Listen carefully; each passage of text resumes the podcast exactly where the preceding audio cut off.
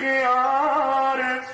والبطاطس خد وحمر في القلية دي جامدة نار. والبطاطا يلا نشوي وكلام بجد ومش هزار. والبدنجان يلا نحشيه من الآخر طعمه. السلام عليكم. أهلا بكم مستمعينا في بودكاست من باب العلم بالشيء.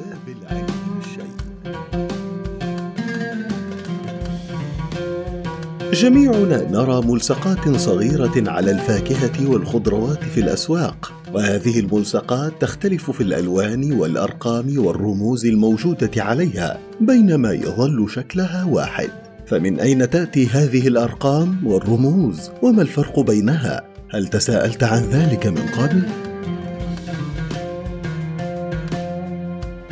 صديقي هذه المعلومات في غاية الخطورة والأهمية وعليك العناية بها وعدم الإهمال فيها. عند رؤيتك لهذه الملصقات على الفاكهة فغالبا ما تقوم بنزعها وتناول الفاكهة والخضروات وكأن شيئا لم يكن. ولكن مهلا عليك أن تكون أكثر حرصا من ذلك. فهذه الأرقام تدل على مدى جودة الفاكهة والخضروات وليس عن سعرها.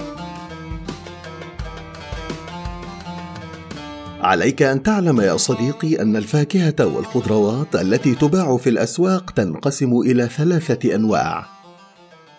أولها هي المنتجات الطبيعية التي تزرع في الحقل. والنوع الثاني وهو المنتجات التي تزرع وتمد ببعض الأسمدة الكيميائية وتقوم أساسا معتمدة على السماد الكيميائي. النوع الثالث وهو الأخطر في الفاكهة والخضروات والتي يتم تصنيعها في المعامل عن طريق التعديل الوراثي والتلاعب في الجينات للخروج بالمنتج النهائي.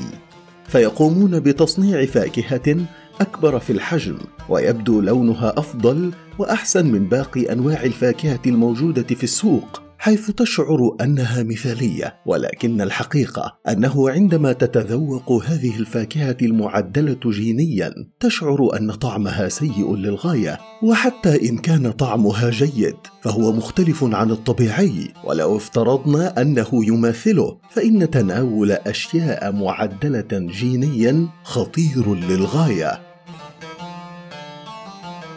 الملصقات الموجودة على المنتج النهائي تحتوي على خمسة أرقام.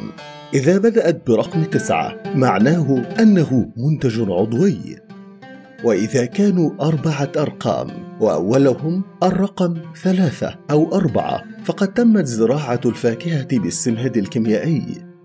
وإذا كانوا خمسة أرقام ويبدأون بالرقمين ثمانية ثمانية فهذا المنتج معدل جينيا وتم التلاعب فيه. وعليك تجنبه لأنه غير صالح وغير مفيد.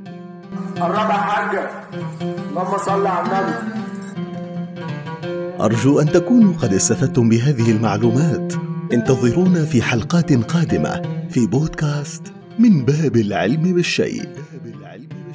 صديقي إذا أعجبك هذا البودكاست فأخبر عنه أصدقائك ويمكنك الاستماع دائما عبر المنصات Spotify Apple Podcast Google Podcast و SoundCloud كنت معكم أنا أحمد. إلى اللقاء.